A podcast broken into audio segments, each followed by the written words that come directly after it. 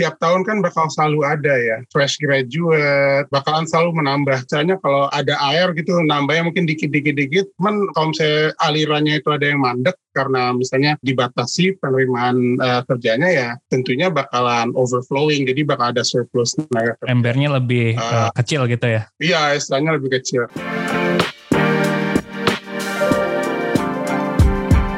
Hai sahabat TCID, kalian sedang mendengarkan podcast Suara Akademia, ngobrol seru isu terkini bareng akademisi. Pada episode ini, kita ngobrol dengan Sylvia Andriani dan Rama Fatah dari Smeru Research Institute tentang dampak COVID-19 terhadap tenaga kerja muda, dari tantangan fresh graduate mencari kerja selama pandemi hingga perlindungan sosial bagi pengangguran muda.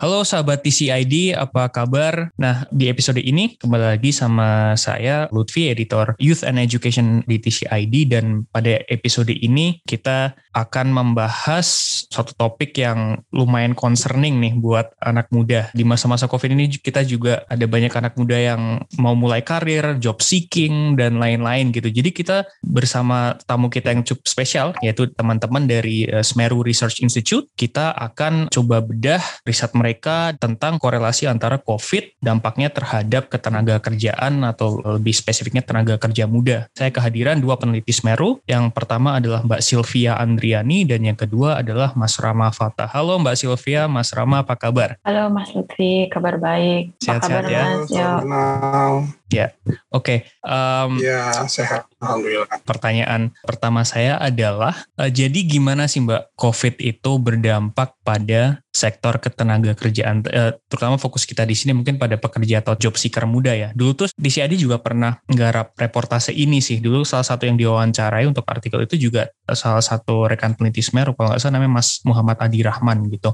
Kata beliau dampak utamanya itu adalah bahwa ini mempengaruhi pasar kerja jadi lebih kompetitif gitu karena hiring activitiesnya jadi melambat gitu. Berarti itu ya, maksudnya snapshot dampak COVID terhadap tenaga kerja itu lapangan kerja seperti itu berarti ya? Kalau dampak utama mungkin karena banyak ya dampak dari tenaga kerjaan ya, tapi utamanya memang memang benar karena jadi misalnya itu surplus ya, bukannya berarti tiba-tiba ada fluktuasi banyak tenaga kerjaan yang membutuhkan kerjaan, mm-hmm. tapi tiap tahun kan bakal selalu ada ya fresh graduate, bakalan selalu menambah karena kita dari segi fresh graduate aja misalnya kalau ada air gitu nambahnya mungkin dikit-dikit dikit cuman kalau misalnya alirannya itu ada yang mandek karena misalnya dibatasi penerimaan uh, kerjanya ya tentunya bakalan overflowing jadi bakal ada surplus tenaga kerja. Embernya lebih uh, kecil gitu ya? Iya istilahnya lebih kecil karena kan okay. tentunya at the moment kan ya uncertainty ya terhadap hiring ya. Kenapa itu bisa terjadi mas perlambatan ekonomi ini gitu? Apakah misalnya COVID nih terus habis itu perusahaan profitnya menurun terus untuk menghemat maka hire lebih sedikit pegawai gitu atau maksudnya keputusan dibalik perlambatan hiring ini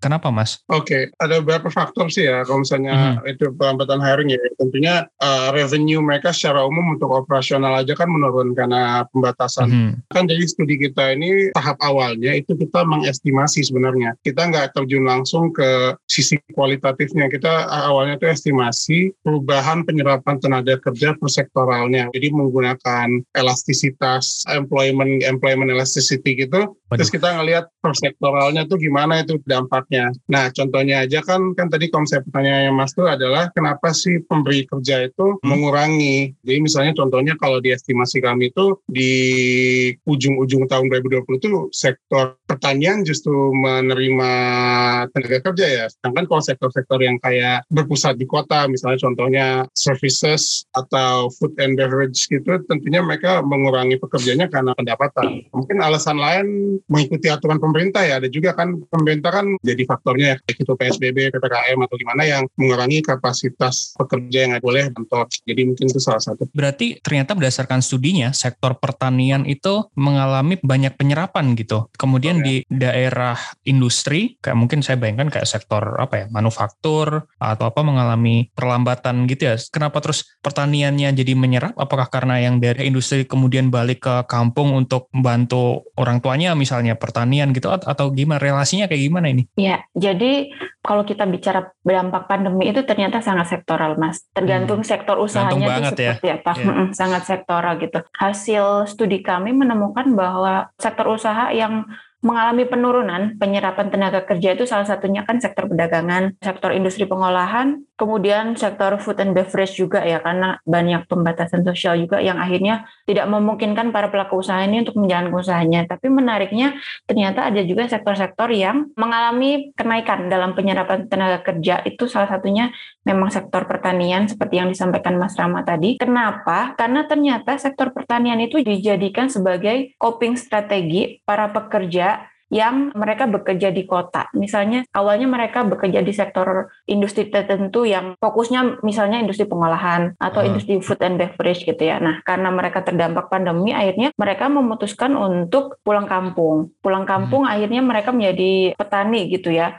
karena lapangan kerja yang paling banyak di pedesaan kan memang pertanian ya. That's why penyerapan tenaga kerjanya itu sangat tinggi di tengah-tengah pandemi gitu. Temuan ini juga dikonfirmasi oleh hasil fokus group discussion kami dengan asosiasi buruh. Asosiasi buruh menyampaikan bahwa para pekerja buruh yang terdampak di pabrik itu, khususnya pegawai kontrak ya, buruh kontrak, mm-hmm. mereka memutuskan untuk pulang kampung karena memang utamanya kan mereka bekerja untuk membuat income untuk keluarga dikirimkan yeah. ke kampung ya. Oh, Tapi ketika sorry mbak, pekerja kontrak ini yang buruh ini salah satu yang paling paling rawan ya, maksudnya yeah. garda terdepan yang yang di cut off sama perusahaan ketika profitnya menurun gitu dan yeah, uh-uh. mereka yang paling terdampak berarti ya. Iya, yeah, karena dampaknya besar gitu ya di mereka. Hmm. Pada akhirnya mereka memutuskan kembali untuk pulang kampung dan menjalankan aktivitas pertanian itu gitu di kampung ya kayak gitu. Ini terjadi ya ketika kalau sepengetahuan saya tingkat pengangguran mudanya Indonesia itu juga udah salah satu yang tertinggi juga di Asia Tenggara kalau nggak salah ya itu terus berarti kalau misalnya ada semakin pengetatan pasar kerja seperti ini semakin kompetitif berarti itu dampaknya terhadap tingkat pengangguran muda seperti apa berarti? Uh, jadi kalau emang benar ya Mas ya tadi kalau misalnya di infografis kami itu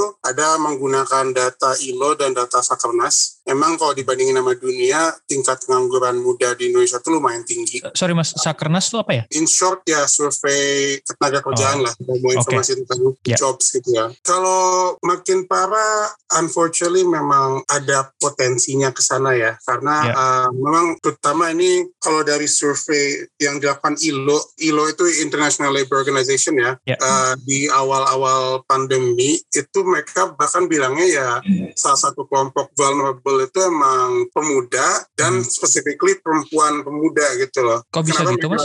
Emang kalau misalnya dari sisi pemudanya itu, dia itu jadi ada kemungkinan dia makin parah ya. Tapi yang jadi masalah juga adalah kemungkinan pindah ke sektor informal tadi. Karena lapangan oh. kerja yang tidak memadai, jadi mereka memilih untuk bekerja di sektor informal atau yang hmm. kerjaan yang sifatnya lebih temporer. Tapi positif ya dari semua itu, ada studi dilakukan oleh salah satu otornya itu Pak Wakil Menteri Keuangan saat ini ya, Pak Suhasil ya. Jadi dia bilang ada kecenderungan bahwa long term uh, unemployment itu mungkin tidak akan bertahan lama di situasi krisis. Intinya adalah kemungkinan besar orang itu tidak akan bertahan lama untuk unemployed hmm. dan bakal mencari cara untuk tetap dapat pendapatan menghasilkan, menghasilkan ya makanya itu munculnya pencarian kerja yang bersifatnya temporer atau informal karena hmm. dorongan tersebut ya. Ya, ya, ya. Menjawab pertanyaan Mas Lutfi ya, kenapa pemuda dan kenapa wanita gitu yang uh, menurut studi ILO ini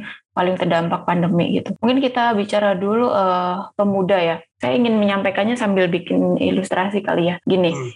sekarang kan uh, karena pandemi, jadi perusahaan itu kan berupaya untuk cost efisiensi ya, menekan iya. cost yeah. gitu ya. Nah, salah satunya adalah dengan pengurangan pegawai dan tidak melakukan rekrutmen ke pegawai hmm. baru. Nah, kalau misalnya kita fresh graduate misalnya ya, sebelum pandemi mungkin banyak kesempatan-kesempatan job yang terbuka untuk kita gitu ya untuk lulusan baru. Nah, tapi karena perusahaan sekarang dalam posisi yang bertahan gitu ya, tidak membuka lowongan baru, artinya kesempatan pekerja muda untuk masuk ke dalam pasar kerja itu kan terbatas. Itu yeah. yang kami maksud kenapa kemudian pemuda itu sangat rawan. rentan uh, rawan selama pandemi ini.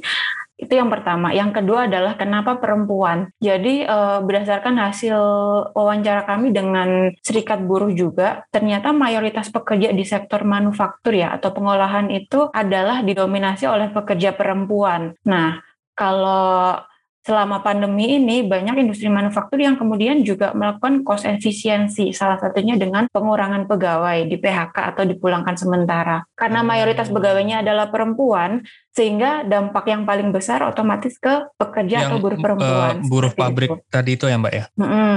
Oke. Okay. Ya, sehingga ini untuk menjawab pertanyaan kenapa pemuda dan perempuan itu ya yang terdampak sangat besar gitu selama pandemi seperti itu. Tapi tapi mungkin ada hal lain juga yang menarik ya.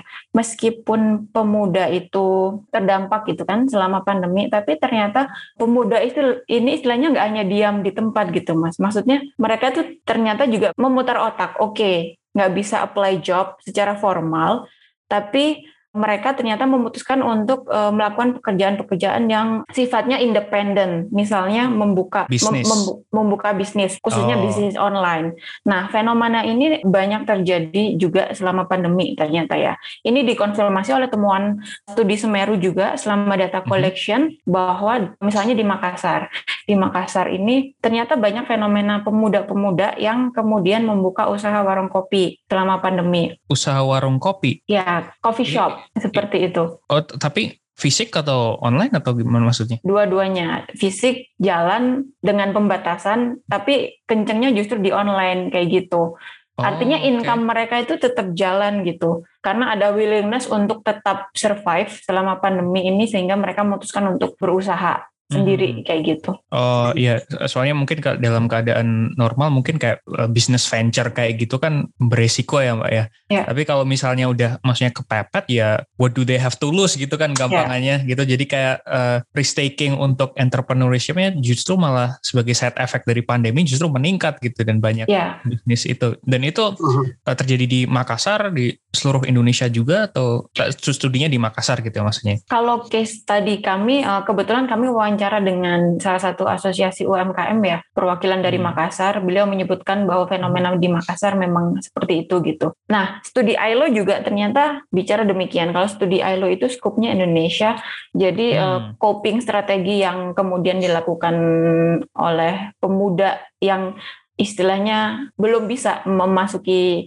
pasar kerja yang formalnya mereka coping strateginya adalah dengan cara berbisnis online kayak gitu. Mas Rama ada yang mau nambahin dulu untuk yang ini? Mungkin aku nambahin aja pertama yang tentang perempuan di manufaktur tadi itu hmm. mungkin bagi pendengar dan bagi Mas Lutfi dan Mas Ram di sini bayangannya tuh ya manufaktur bukannya mesin-mesin semua ya, tapi yeah. garment juga masuknya industri uh. pengolahan manufaktur juga ya. Jadi untuk bayangan aja kenapa mungkin banyak bisa dibilang banyak perempuan juga yang di sektor tersebut. Untuk yang bagian kedua ada juga contoh pemuda-pemuda ini mereka nggak dapat kesempatan sekarang, tapi mereka memilih untuk mendalami pelatihan mereka, mendalami ilmu mereka hmm. dengan pemikiran bahwa setelah pandemi ini udah stabil, mereka bisa mendapatkan pekerjaan yang lebih sesuai era gitu loh. Contohnya, jadi kan dalam studi kita ini ada juga kita melakukan wawancara mas ya, ya. pendalaman wawancara dengan uh, orang-orang yang udah mengisi survei kita. Jadi di wawancara itu salah satunya karena dirumahkan, dia memilih melakukan jasa dropshipping, reselling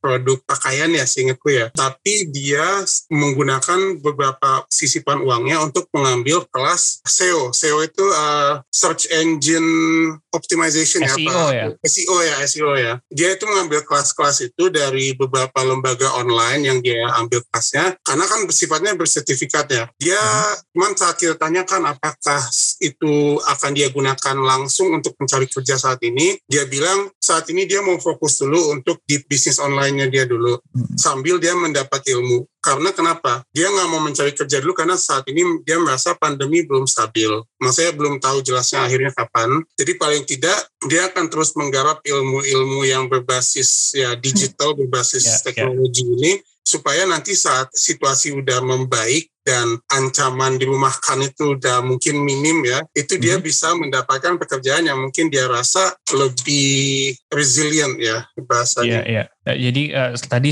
uh, inovasinya selain entrepreneurship, bisnis, tapi juga ada juga yang copingnya adalah dengan ya udah expanding kapasitasnya gitu dengan harapan ketika marketnya udah lebih open lagi nanti daya saingnya lebih tinggi dibandingkan yang lain gitu ya bayangannya ya. kayak gitu.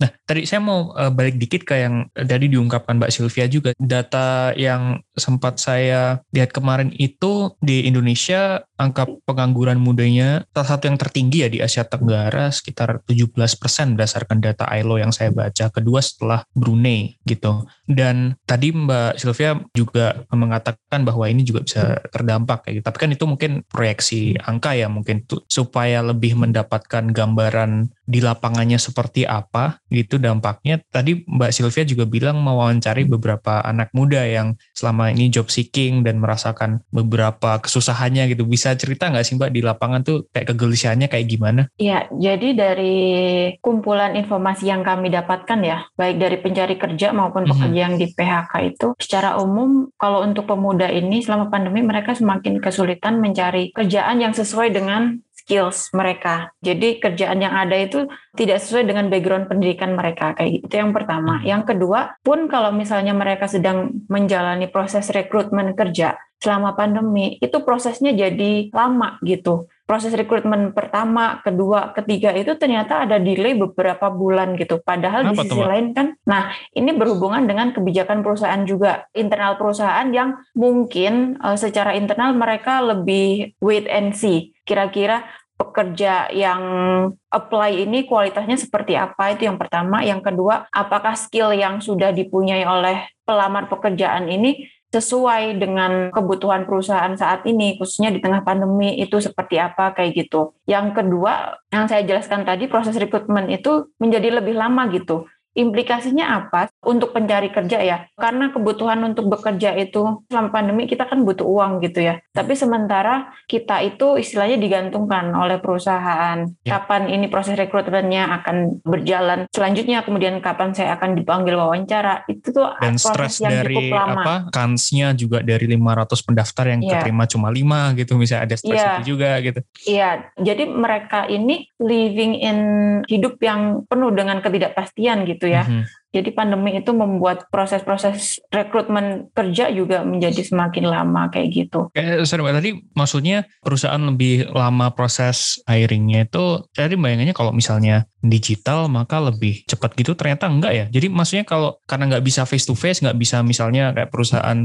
apa ya, startup gitu kan, nggak jadi nggak bisa ngetes. Biasanya kan ada proses uji analisisnya, case studies dan lain-lain mm -hmm. di, di papan bisa langsung tep tep tep gitu langsung ketahuan terus sekarang karena susah ngelakuin itu jadi lebih banyak pertimbangan hmm. gitu ya maksudnya dan itu yang membuat lebih selektif gitu iya betul It, kayak gitu ya betul. ya berarti ya bayangannya uh, betul ya. itu salah satunya tapi memang kalau kita bicara ketenaga kerjaan itu kalau kita bicara hal-hal yang digital itu artinya kita bicara tentang pekerjaan-pekerjaan yang middle skill ya tapi sebenarnya ada juga jenis pekerjaan yang low skill yang itu okay. uh, asosiasinya itu sebenarnya padat hmm. pekerja artinya itu ada pekerjaan-pekerjaan yang sebenarnya itu tidak bisa dilakukan lewat teknologi digital seperti itu. Jadi dampaknya memang diverse. Apakah pekerja itu bekerja di sektor yang padat karya, artinya mereka harus kerja secara langsung, ataukah pekerja ini bekerja di sektor-sektor yang mungkin jasa, yang itu memungkinkan mereka untuk oh, membawa okay. pekerjaannya secara online. Karena dampaknya. Akan sangat beda. That's why seperti yang kami sampaikan di, di awal ya, kalau kita bicara dampak itu, yang perlu kita tahu sebenarnya dua hal. Sektor usahanya, apakah mereka bekerja di sektor industri pengolahan, perdagangan, hmm. yang sifatnya mungkin padat pekerja artinya. Bisa yang kasih kedua, contoh satu dua nggak maksudnya tadi? Misalnya padat karya, pekerja padat karya itu misalnya di pabrik-pabrik garment. Hmm, okay. Itu kan banyak pekerjaannya ya. Atau kita bicara yang kedua, pekerja-pekerja yang bekerja di sektornya lebih ke jasa. Kalau jasa biasanya mainannya juga asosiasinya dengan teknologi ya. Artinya mereka memungkinkan untuk membawa pekerjaan mereka ke rumah kayak gitu. Okay. Tapi kalau kita bicara buruh kan tidak mungkin membawa iya. pekerjaan yeah. kita ke rumah kayak gitu. Dan That's why itu dampaknya uh, diverse. Akhirnya paling worst dampaknya itu di di yang padat karya tadi itu ya berarti ya. Iya. Uh, tapi aku juga mau nambahin juga ya. Yeah. Ini contoh aja. Jadi walau teknologi bukannya salah satu alasan kenapa ada hambatan, misalnya dia udah daftar kapan terus ada hambatan di hiring prosesnya ya. Kalau salah hmm. satu responden kita kemarin itu alasannya karena waktu kan uh, kayak Januari ya Sylvia ya yeah. yang katanya dia bilang ada PSBB atau ada aturan apa. Jadi mereka itu perusahaan saat di tengah-tengah proses hiring, dia pokoknya udah tahap wawancara itu salah satu responden kami, dia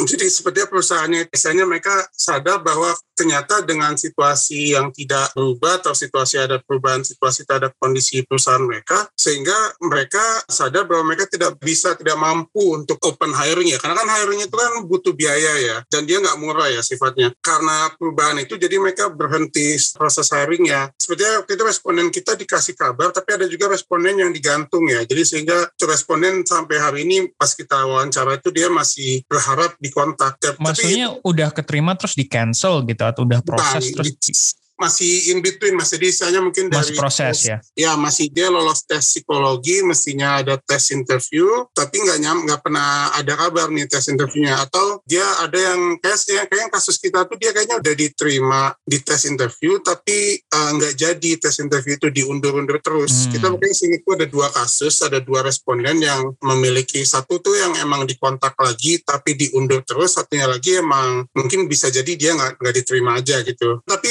seingat tuh dia itu bukannya sektor yang bisa dibilang padat karya. Salah satunya bahkan lebih ke konsultan ya. Cuman mungkin kan saat ini apakah proyek lagi minim atau gimana, jadi mereka mengubah strateginya perusahaannya. Jadi kayak di tengah hiring prosesnya secara abruptly dipotong gitu ya, dan bahkan yes. dikasih kabar atau digantung dan lain-lain gitu. Yeah. Iya. Oke, okay. wow. Tapi ini, ini kan udah pandemi itu kemarin kapan sih Maret di Indonesia kan, Maret, kan uh, kasus pertama Maret ya 2020 hmm. dan sekarang itu udah berarti setahun lebih gitu. Kayak mungkin awal-awal pandemi kemarin uh, resesi dan apa pelambatan ekonomi kayak itu dan dan sekarang apakah tren lapangan kerja ini juga masih seperti ini gitu? Atau masuk quarter 3 2021 ini ada perubahan atau tetap sama aja gitu atau gimana? Dari ini dari hasil estimasi kami ya data yang terakhir itu kan kuartal 1 2021 ya. Ada situasi unik yang mungkin belum tahu kita bisa jawab, yaitu ini tapi bisa jadi didorong dengan adanya sedikit perbaikan ekonomi pada awal tahun ini ya. Jadi justru penyerapan tenaga kerja di pertanian itu minus ya. Jadi oh. di ya justru dia minus eh, itu dengan as mungkin ini ini ini asumsi liar aja ya mungkin asumsi liar dari kuantitatifnya aja ya bisa jadi itu orang-orang sadar bahwa udah ada sedikit recovery jadi mereka akan mencoba kembali lagi kerja di mana pun sektor mereka awalnya itu. Cuma ada juga waktu pas saat kita wawancara itu juga ada beberapa yang memang sudah diterima lagi dari yang dirumahkan itu mas. Jadi, jadi ada balik kerja lagi ya. Balik kerja lagi ya. Jadi mungkin itu salah satu satu fenomena. Cuman karena kan saat ini memang kita baru mulai ya hmm. kena yang varian delta ini. Jadi kita mungkin hmm. belum tahu apa dampaknya. Tapi mungkin saat itu ya positif trennya agak sedikit di awal tahun 2021 kemarin sih. Oke. Okay. Tadi saya mau nyambungin ke uh, yang dapat pekerjaan pun. Tadi kan pasar kerjanya makin ketat, terus proses hiringnya makin selektif. Tapi yang yang dapat pekerjaan pun juga bisa terdampak juga gitu. Kalau kayak tahun lalu tuh ada satu artikel yang aku suka banget dari majalah Time kalau nggak salah yang nyeritain tentang class of 2020 gitu. Jadi kayak lulusan baru fresh graduate atau job seeker yang masuk lapangan kerja di tahun 2020 gitu. Jadi kayak kelas kelas pandemi gitu loh angkatan lulusan pandemi gitu. Dan di salah satu paragrafnya mereka nyebutin salah satu riset kalau nggak salah dari Toronto University sama sama Columbia atau salah satu university di AS gitu bahwa kalau misalnya pekerja muda itu lulus dalam kondisi ekonomi melambat, resesi atau kalau dalam konteks ini perlambatan akibat COVID ya, pandemi gitu. Itu akan menyebabkan uh, tingkat pendapatan mereka pun juga akan uh, menurun atau at least nggak nggak sebaik kondisi biasanya dan ini efeknya bertahan hingga sepanjang 10 sampai 15 tahun mereka sebelum akhirnya catch up dengan peers mereka gitu. Apakah does this make sense atau emang seperti itu ya dampak seperti itu juga bahkan bagi yang keterima? Bagi pekerja muda yang kemudian dapat kerja selama pandemi memang istilahnya tetap aja terdampak gitu ya meskipun hmm. mereka oh, udah dapat pekerjaan gitu. Istilahnya meskipun lebih beruntung dari para pencari kerja yang lain tapi ternyata masih ada dampak yang mereka rasakan kayak gitu. Nah, kalau kita bicara dampak negatif juga kita perlu tahu dulu pekerja muda ini bekerja di sektor mana ya? Apakah ke hmm. sektor jasa ataukah mereka bekerjanya di sektor-sektor yang padat karya seperti yang kita lagi bahas tadi. Sektor lagi ya. Kayak gitu. Hmm. tapi pada akhirnya dua dua dua apa ya dua pembagian itu tetap memiliki dampak negatif ya. Misalnya kita bicara pekerja-pekerja yang ada di sektor jasa gitu ya. Mostly sekarang kan uh, tidak memungkinkan untuk bekerja secara langsung. Artinya ini mengurangi interaksi mereka dengan kolik di tempat kerja itu uh, seperti itu ya.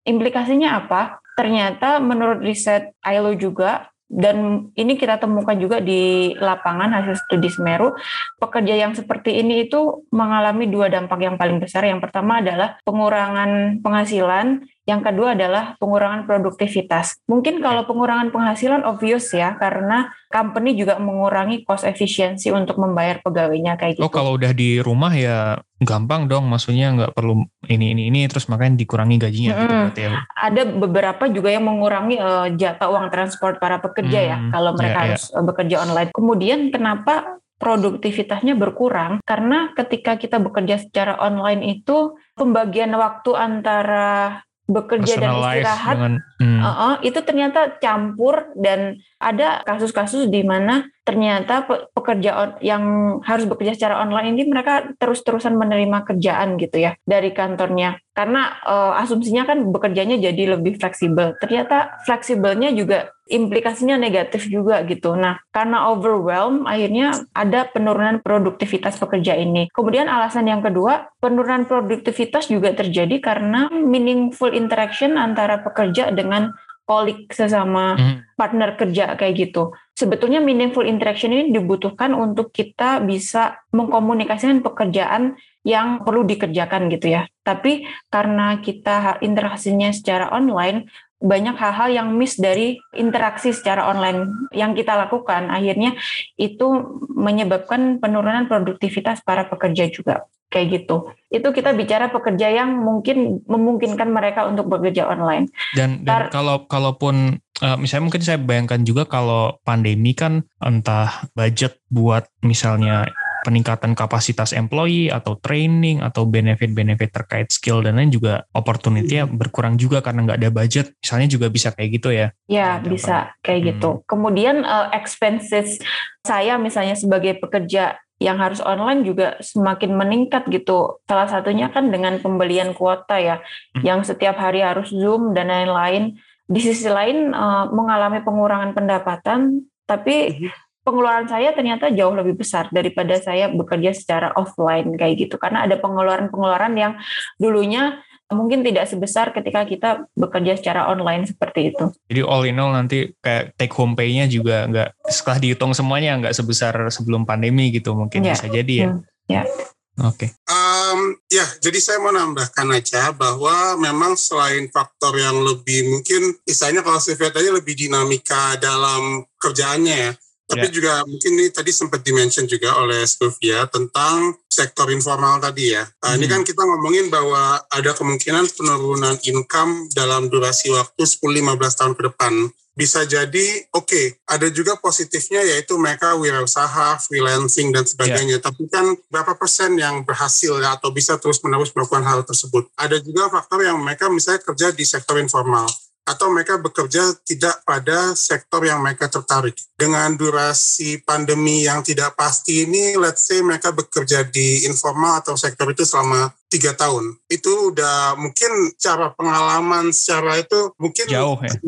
Iya, secara resiliensinya mungkin apakah mereka mau get back on track kembali lagi ke apa pun yang mereka mau awalnya itu mungkin gak semuanya bakal mau karena mereka merasa ya udah at least informal sektor atau freelancing yang mungkin pendapatan cukupnya atau gimana itu udah cukup bagi mereka. Ini tentunya mungkin agak normatif ya, tapi salah satu faktornya juga bisa jadi masalah tadi informal sektor tadi dan juga hambatan dalam pelatihan mereka, hambatan dalam exposure mereka, serta poin terakhir mungkin terkait dengan sektor-sektor yang sifatnya lebih freelance atau lebih informal kan lack of social security mas ya, yeah. lack of things kayak asuransi, lack of things seperti ya hal-hal kayak misalnya hak cuti dan sebagainya yeah. itu, itu kan sesuatu yang missing ya dari pekerjaan yang sifatnya lebih freelance atau informal ya. Jadi hmm. mungkin itu bisa jadi mungkin bukannya faktor utama tapi bisa menjadi faktor tambahan kenapa bisa terjadi ya.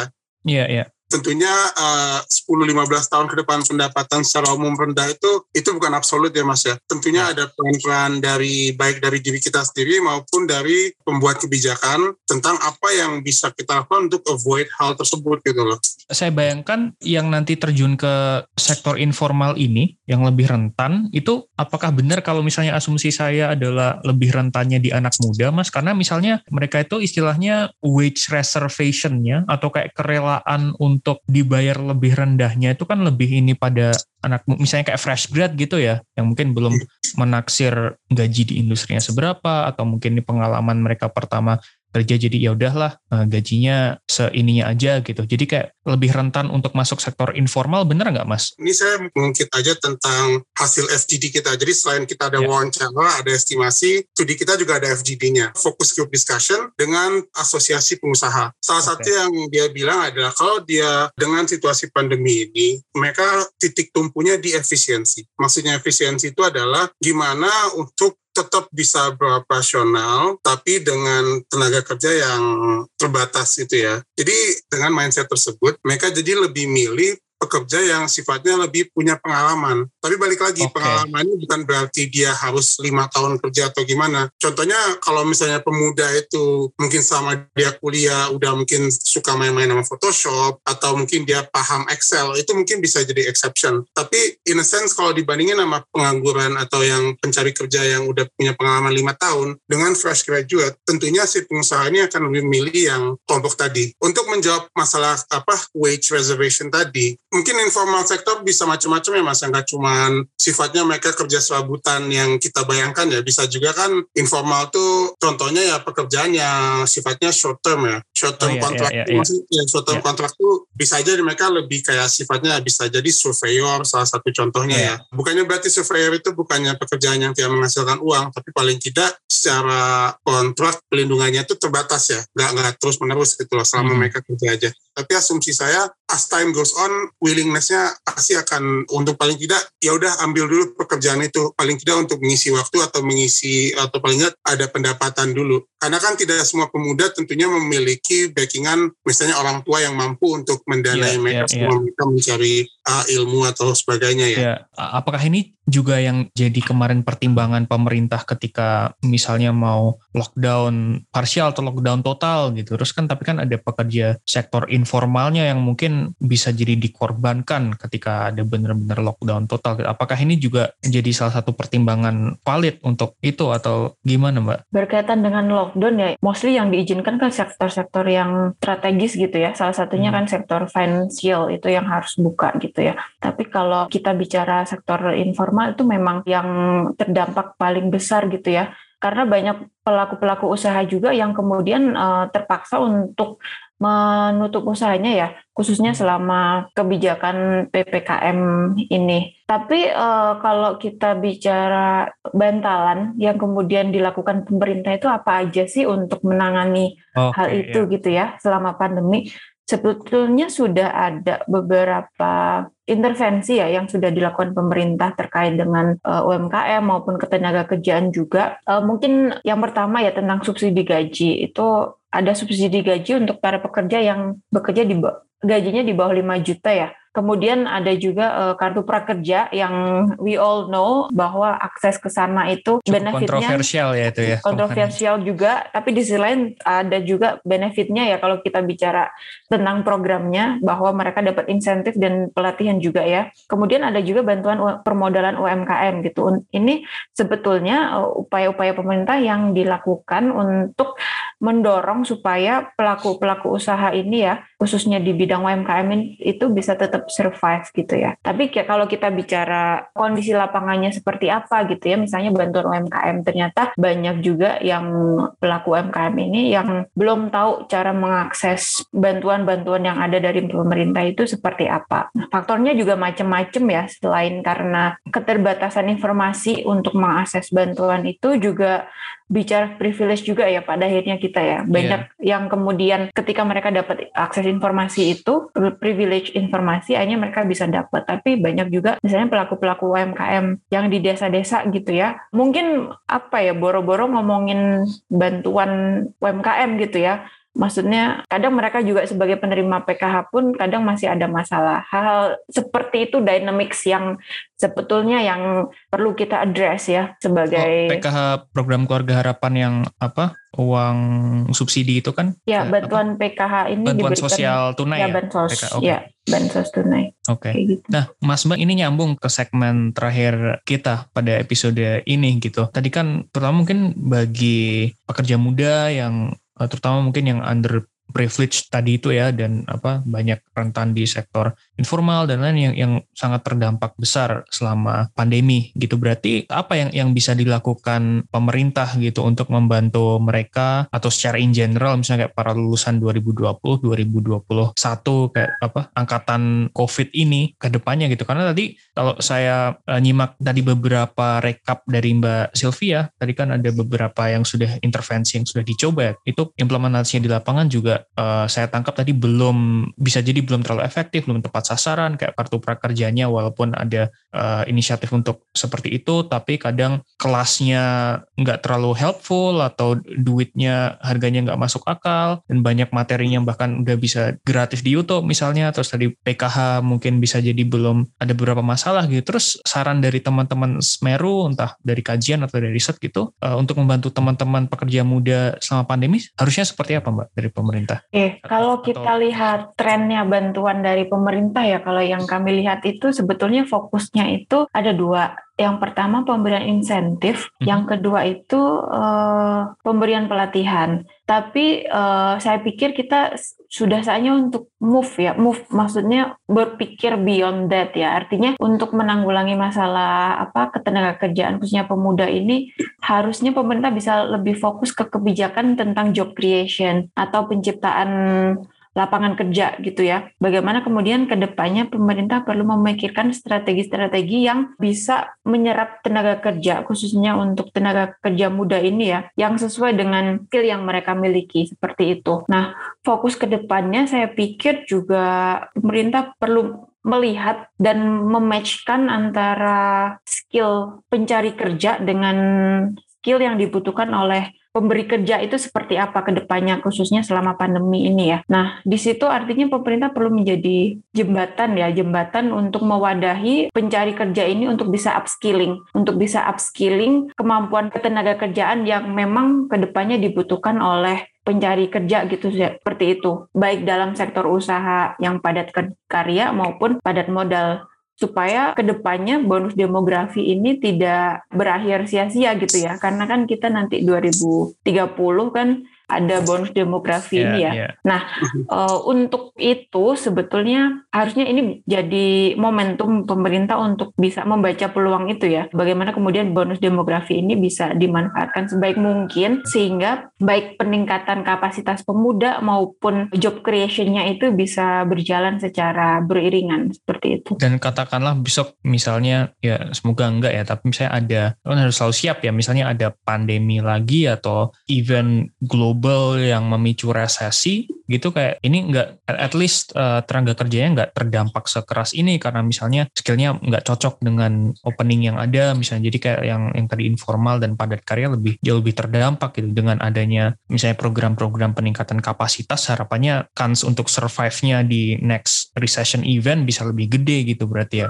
Iya betul okay. setuju. Dan ini ya kalau kita bicara peningkatan skill atau skill development gitu ya kita ya sebagai pemuda sebetulnya sudah harus punya pikiran bahwa gimana cara kita supaya kita bisa punya skill-skill tertentu untuk membantu pekerjaan kita ke depannya gitu ya. Seperti yang tadi diceritakan Mas Rama selama pandemi terus momentum buat pengembangan kapasitas tadi itu ya yang ya. ikut kelas online atau apa gitu.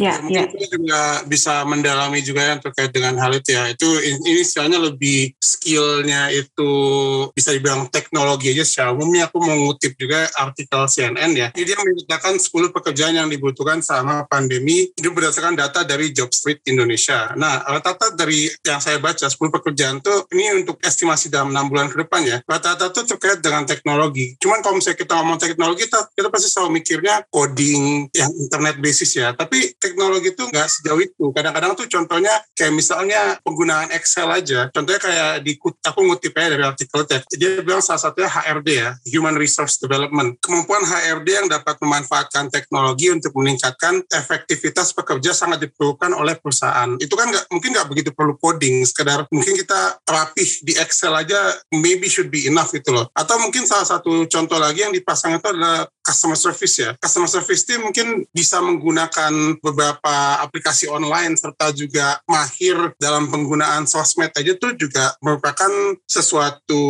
yang terkait dengan teknologi ya. Hmm. Uh, mungkin satu aja yang saya mau kutip lagi terkait dengan data dari Sakernas. Kita coba bandingkan 2018 sampai 2020. Dari 2018 itu memang ada penurunan proporsi pekerja muda. Proporsi pekerja mudanya itu menurun ya antara 2018 hingga 2020. Namun namun proporsi pengguna teknologi di Sakernas itu ada variabel yang menanyakan apakah Anda menggunakan internet dalam pekerjaan Anda. Itu okay. pada tahun 2020 itu tidak menunjukkan penurunan uh, dari 2019. Jadi walaupun pekerja mudanya itu menurun, oh. jadi misalnya ya penganggurannya meningkat ya. Ini kebalikannya dari pengangguran. Uh, itu walaupun dia tingkat pekerjanya itu menurun, dalam istilah lain penganggurannya meningkat, tapi yang masih bekerja itu cukup banyak proporsinya yang menggunakan internet dalam pekerjaannya. Kapasitas digitalnya menjadi terakselerate ya gara-gara pandemi ini gitu berarti. Mungkin lebih bisa dibilang yang survive adalah orang yang memiliki kapasitas okay. tersebut ya. Jadi inti yang saya mau bilang itu adalah teknologi itu bukan sesuatu yang kita takutkan, tapi memang okay. udah kita pakai sehari-hari cukup kita mendalami dan akses hal-hal yang bisa kita akses. Hal-hal seperti Excel dan mungkin sekarang bahkan Photoshop aja adalah sesuatu yang sudah gampang kita akses uh, okay. sendiri gitu tanpa dorongan dari pemerintah. Oke, okay. ini terakhir dari saya. Berarti sembari kita juga menunggu misalnya berharap pemerintah juga bisa membenahi misalnya program pelatihan calon tenaga kerja, entah memperbaiki prakerja atau ada program yang lebih baik ke depannya, terus mungkin memperbaiki, menyempurnakan juga yang kampus merdeka, apa mencocokkan graduates dengan skill yang dibutuhkan di lapangan kerja dan dan